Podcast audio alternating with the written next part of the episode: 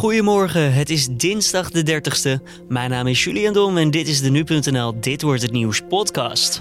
Ajax speelt vanavond in de halve finale van de Champions League uit tegen Tottenham Hotspur. De internationale pers lijkt in ieder geval alvast eventjes goed gezind te zijn over de Amsterdammers. Ja, eh, waardering vanuit de, eh, de internationale pers uh, voor Ajax. Er waren zelfs vragen over van dat het zo leuk is, zo'n open club, om een voorbeeld te noemen. De training van Ajax in het, in het stadion hier in, in Londen was open voor het Ajax-publiek. Dus er zaten allemaal Ajax toeschouwers te kijken. Nou, dat kennen ze niet in Engeland. Daar is alles achter gesloten deuren. Dus ja, Ajax heeft hij echt wel de sympathie van de Engelsen. Ja, Riepke Bakker hoorde je daar vanuit Londen. Straks meer over deze wedstrijd. Eerst even het belangrijkste nieuws van nu. PvdA'er Frans Timmermans is vastberaden de opvolger van Jean-Claude Juncker te worden als voorzitter van de Europese Commissie. Timmermans zegt in een interview met nu.nl na afloop van het eerste verkiezingsdebat geen interesse te hebben in een andere functie. Hoewel Timmermans Partij van de Arbeid in Nederland waarschijnlijk niet de grootste zal worden, maakt hij alsnog kans. In Europees verband is zijn sociaal-democratische groep namelijk traditioneel gezien de op één na grootste in Europees parlement, na de conservatieve Europese Volkspartij. In Nederland kan je op 23 mei stemmen voor de Europese verkiezingen. In de Democratische Republiek Congo zijn zondag binnen 24 uur 27 nieuwe ebola-besmettingen vastgesteld. Daarmee ligt het totale aantal binnen een week tijd op 126. Enkele weken geleden werden er nog 110 ziektegevallen binnen een week geconstateerd. Dat aantal is dus nu omhoog gegaan. De verspreiding van ebola gaat momenteel razendsnel in het oosten van het land. Dat komt mede door een reeks gewelddadige aanvallen van milities, die de internationale inzet om de epidemie onder controle te krijgen wantrouwen. Veel Congolezen in het gebied geloven dat ebola een samenzwering is, bekokstoofd door de regering of andere landen. In de VS heeft plaatsvervangend minister van Justitie Rod Rosenstein zijn ontslag aangeboden tegenover president Donald Trump. Rosenstein stelde in 2017 speciaal aanklager Robert Mueller aan en hij had lange tijd de verantwoordelijkheid over het onderzoek naar de banden tussen de Russische regering en de verkiezingscampagne van Donald Trump. Het aftreden van Rosenstein komt niet onverwachts. Er werd al over gespeculeerd sinds de aanstelling van minister van Justitie William Barr op 14 februari jongstleden. De Nederlandse bevolking is in de eerste drie maanden van dit jaar gegroeid met ruim 24.000 mensen. Dat is bijna tweemaal zoveel als in het eerste kwartaal van 2018. Er kwamen de eerste drie maanden meer mensen het land binnen en er gingen minder mensen dood. Dat meldt het Centraal Bureau voor de Statistiek. De meeste migranten komen uit Polen. Dat gaat om zo'n 3000 personen tot en met maart van dit jaar. Ook uit Bulgarije en Roemenië zijn meer mensen naar Nederland gekomen dan in dezelfde periode vorig jaar. Opvallend is tevens het aantal mensen uit het Verenigd Koninkrijk dat zich in Nederland vestigde. De relatief grootste zeiger wordt veroorzaakt door de Britse migranten. En dan kijken we naar de wedstrijd van vanavond: Tottenham Hotspur versus Ajax. De Amsterdammers staan voor het eerst sinds 1997 weer eens op dit punt van de eindstrijd. En voor de club uit Londen is het zelfs de eerste keer. Voor nu.nl is sportverslaggever Riepke Bakker in Londen bij het stadium van Tottenham Hotspur. Riepke, we gaan het zo uitgebreid hebben over die wedstrijd van vanavond. Maar eerst even het nieuwe stadion van de Spurs. Eh, nou, ik weet niet of jij wel eens uh, voetbal hebt gekeken en dat je dan heel nodig naar de wc moest, dat deed en dan toevallig een doelpunt miste. Herkenbaar en pijnlijk trouwens. Dankjewel dat je het opbrengt. Nee, nou, het grappige is namelijk hier uh, op de, in het Tottenham Hotspur Stadium... kan je gewoon tijdens het plassen uh, uh, voetbal kijken. Er hangen gewoon televisies op, op de wc. En dat zegt ook heel veel over nou ja, het onderkomen van, van Tottenham Hotspur. Een nieuw stadion. 1 miljard heeft het gekost. Het is uh, een schitterend stadion, heel modern. Uh, de persruimte is een prachtig lopend buffet. Maar het zegt ook wel veel uh, over waar Ajax beland is. Ja, in het, in het letterlijk in het miljoenenbal. De crème de crème van het Europese voetbal. Ja, een, paradijs uh, waar je bent. Volgens mij werd er in de persconferentie ook al iets over gezegd. Hè? Um, volgens mij zei Ten Hag iets van 10 miljoen televisiegelden voor Ajax versus 200 voor Tottenham. Ja, dat is vooral de vergelijking die ze maakt. Omdat ze zegt, uh, de, de, de, de trainer van, uh, van Tottenham Hotspur, die zei, Mauricio Pochettino, Ajax is de favoriet. En Ajax heeft ook nog eens een weekendje vrij gehad hiervoor. Nou, dat ging natuurlijk over de uitgestelde wedstrijden in de eredivisie dit seizoen. Dus dat is ook nog eens in hun voordeel. Ja, dat, dat, dat is ook wel een beetje makkelijk, want Tottenham Hotspur uh, is qua budget heel veel groter dan Ajax. Uh, ze hebben twee jaar geleden nog uh, nou ja, de beste verdediger van de Ajax, Davison Sanchez, voor 40 miljoen weggekocht bij Ajax en vervolgens op de bank gezet. Nou, dat zegt in ieder geval heel veel over het financiële verschil tussen Tottenham Hotspur en Ajax. Ten Hag die zegt van het is een lastig verhaal, maar um, goed, een lastig verhaal is volgens mij wel een beetje een understatement voor een wedstrijd in de halve finale van de Champions League. ja, maar het gekke is, ik bedoel, ik ben natuurlijk ook bij, bij Real geweest in Bernabeu. Ik mocht ook zijn in, in Turijn bij Juventus. Toen was Ajax echt ja, de underdog. Dat waren clubs die uh, nou ja, uh, jaren al domineren in Europa. Die ja, Champions League finales hebben gehaald. Champions Leagues hebben gewonnen de afgelopen jaren. Ja, dat is Tottenham Hotspur niet. Ik ben op zoek geweest naar de prijzenkast in het stadion hier. Nou, die kon ik nog niet vinden. Dat komt ook omdat ze gewoon...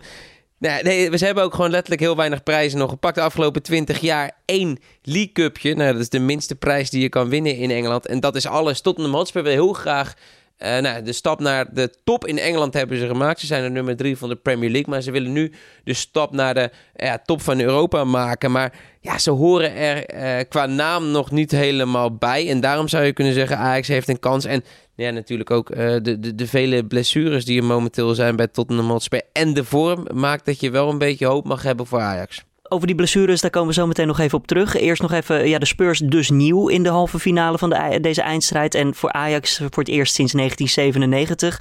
Uh, hoe kijkt de Britse pers dan een beetje naar deze wedstrijd? Nou, met heel veel ontzag voor Ajax eigenlijk. ja, als je, bedoel, Londen is natuurlijk een, een palet van, van clubs. Dus de, de, de, de taxichauffeur die was, uh, waar we net bij zaten, die was voor Arsenal. En die zei ook, joh, Ajax, ik geniet daar echt van.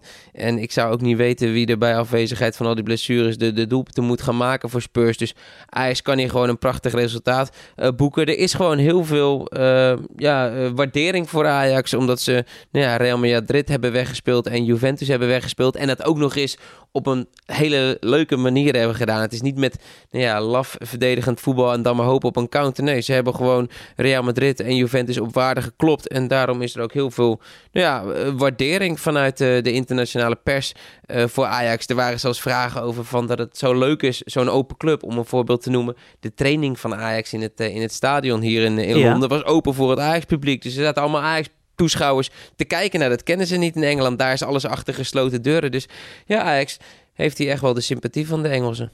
En het ontbreekt wel een beetje aan effectiviteit, zei Ten Hag eigenlijk. Het afmaken van de kansen, want ja, we winnen dan wel tegen Real Madrid en tegen Juventus, maar dat had met veel hogere cijfers kunnen uitvallen. Ja, ja dat, dat klopt. Ja, tegen, tegen Real viel het nog wel mee. 1-4, dat vond de wereld ook wel prachtig. Uh, laten we zo zeggen, tegen Juventus werd het 1-2. Maar ja, de, de, kansen gemist door Neres, door Ziyech. Het had daar ook 1-3, 1-4, 1-5 kunnen worden. Nou maakt dat niet heel veel uit, maar dat is misschien wat je internationaal nog op Ajax aan te merken hebt. Het veldspel is fantastisch, je ziet schitterende combinaties, maar uh, qua effectiviteit uh, kan het nog veel beter. Nou ja, tot nu toe was Ajax in die wedstrijd tegen Real en Juventus steeds zo goed dat ze toch wel zoveel kansen hebben dat ze ook wel eens een kans konden missen. Dat kan natuurlijk tegen Spurs ja, wel eens anders zijn uh, in Londen. Dan moet gewoon eigenlijk elke bal erin. Dat is de stap die, die Ajax moet zetten, vindt Ten Hag. En we spelen nu eerst uit. Dus ja, jij bent in Londen. De, ja, met een reden, want we spelen daar. In plaats van eerst in de Amsterdam Arena, zoals de laatste paar wedstrijden steeds gebeurde. Heeft dat nog een, uh, ja, een gevolg of een effect op de spelers? Nou, ik, stel die vraag aan Erik ten Hag. Die zei, nee, dat, dat heeft geen effect. Uh, ik denk dat het wel een beetje meespeelt. Je ziet in ieder geval in, in, in uitwedstrijden, dan tellen die doelpunten uh, extra zwaar. Ajax sloeg ook steeds toe in de uitwedstrijd. En ja, dat zou nu tegen Spurs opnieuw moeten kunnen. Want nou, Spurs is op dit moment niet in beste doen. Nou, ze missen Kane, ze missen misschien ook wel Vertongen. En heel belangrijk, ze missen Son. Dat is een Zuid-Koreaan die maar blijft rennen. En in de Champions League knock-out fase de helft van de doelpunten maakt. Nou, die is geschorst. Is er volgende week in de arena wel bij. Daarom denk je, joh, dit is misschien wel het moment om Tottenham al te pakken. En uh, een, een, hele grote stap te zetten richting, uh, richting de finale. Tottenham dus, uh, ja, ze missen wat spelers, maar Ajax lijkt juist helemaal fit te zijn. Ja, en fitter dan ooit. Zelfs, zelfs Mazraoui, die we uh, met een uh, zware enkel blessure zagen uitvallen tegen Juventus, die ze gewoon weer bij. Ja, Ajax heeft zelfs een, een paar dagen rust gehad. Het geheim van Ajax, tenminste het geheim, ze zijn fitter dan ooit. Hoe dat precies komt, nou goed, er wordt in ieder geval goed getraind. Ten Hag weet zijn ploeg juist in die eindfase van het seizoen ehm, beter dan ooit te krijgen. Dat is heel knap. Ja, Ajax oogt ontzettend fit. Ajax oogt ontzettend gretig. Dat is ook anders dan Tottenham Hotspur. Die hebben afgelopen zaterdag 1-0 verloren van West Ham United. Daarvoor kregen ze een pak op de broek van Manchester City. Dus dat ziet er allemaal wat minder uit. Ja, bij Ajax het gaat allemaal uh, nou ja, uh, redelijk goed deze laatste weken. Er wordt uh, louter gewonnen. Er wordt op drie fronten meegestreden om de prijzen. de ploeg is fit en de ploeg lijkt klaar om ook nou ja, tot een Hotspur pijn te gaan doen. Verwacht je nog een verrassing bij Ajax? Of wordt het gewoon Neres, Tadic en Ziyech daar in de voorhoede? Nee, Ajax is een, is een open boek in de, in de Champions League. Dus inderdaad, Ta Tadic in de spits is wel grappig trouwens. Hè. Die, die speelde vorig jaar nog hier bij Southampton. Een, een niet-zeggende middenmotor in, in de Premier League. En nu ineens de ster van de Champions League na Lionel Messi. De, meest, de speler met het meeste rendementen. Dus daar, eh, daar zijn ze allemaal uh, nou ja, van onder de indruk hier in Engeland. En verder, ja, de enige vraag die gesteld moet worden is... wordt het uh, of, of Veldman als rechtsback? Uh, is weer fit, maar Veldman maakte de afgelopen weken zo'n goede indruk... dat ik denk dat Veldman gaat spelen als rechtsback. En verder zijn het de bekende namen. Riepke Bakker vanuit Londen, dankjewel. Tottenham Hotspur tegen Ajax begint vanavond om 9 uur. En de return in de Johan Cruijff Arena is volgende week woensdag.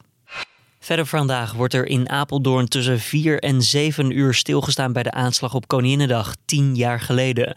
Dat gebeurt tijdens een openbare maar kleinschalige herdenking in de grote kerk in de stad. Karstee reed toen met een auto door de dranghekken in op de toeschouwers. En T reed ook richting de open bus waarmee de koninklijke familie een rondrit maakte door de stad. Acht mensen kwamen om het leven, waaronder T zelf. En in Japan zal keizer Akihito aftreden. Het is een unieke gebeurtenis omdat een keizer normaal gesproken in zijn functie blijft tot aan zijn dood. Akihito zei vorig jaar echter dat zijn leeftijd en gezondheid het hem moeilijk maken om zijn plichten correct uit te voeren. Het parlement stemde vervolgens in met een wetsvoorstel dat de aftreding mogelijk maakt. De 57-jarige kroonprins Naruhito volgt de keizer woensdag op. En daarmee start ook het nieuwe keizerlijke tijdperk, Raiwa. Dat staat voor mooie harmonie. En dan het weer voor deze 30ste van april. Nou, de ochtend die verloopt behoorlijk grijs. Dat zie je wel als je naar buiten kijkt. In de middag breekt gelukkig wel steeds vaker een beetje de zon door. In het noordwesten blijft het wel wat grijzer. Dus ja, helaas zoals je daar woont. De maximumtemperaturen die variëren een beetje tussen de 13 en 17 graden. En dan ben je nog niet bij het einde, want Noorse vissers hebben in het noorden van het land een witte dolfijn aangetroffen. Het dier zwom met een harnas om zijn lichaam. En dat harnas dat was geschikt om een camera aan te monteren. Mogelijk is de dolfijn ontsnapt uit een Russische militaire basis, al dus een Noorse deskundigen. De witte dolfijn was tam en liet zich zelfs aaien door de vissers. Zij hebben het harnas vervolgens verwijderd. Daarbij kwamen ze wel op de opmerkelijke tekst Equipment St. Petersburg. Dat stond op de binnenkant van het tuig geschreven. Russen hebben eerder bekend dolfijnen te trainen voor verschillende soorten oorlogsvoering. En de Amerikaanse marine die doet hetzelfde. Zij trainen naast dolfijnen ook zeehonden. En dit was dan de Dit Wordt Het Nieuws podcast van deze 30ste van april alweer. Elke doordeweekse ochtend te vinden om 6 uur s ochtends op de voorpagina van nu.nl. Heb je feedback? Laat het ons weten via podcast.nu.nl of laat een reactie achter in je eigen favoriete podcast app. Mijn naam is Julian Dom en ik spreek je morgen weer. Voor nu in ieder geval een fijne dinsdag.